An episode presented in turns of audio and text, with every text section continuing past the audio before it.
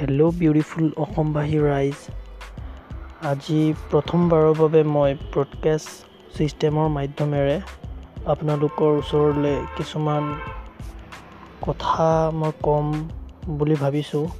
সেইকাৰণে মই আজি এই ব্ৰডকাষ্টটো খুলিলোঁ। তো মোক ভৱিষ্যতলৈ সহায় কৰিব বুলি আৰু সহযোগিতাও কৰিব বুলি মই আশাবাদী। ধন্যবাদ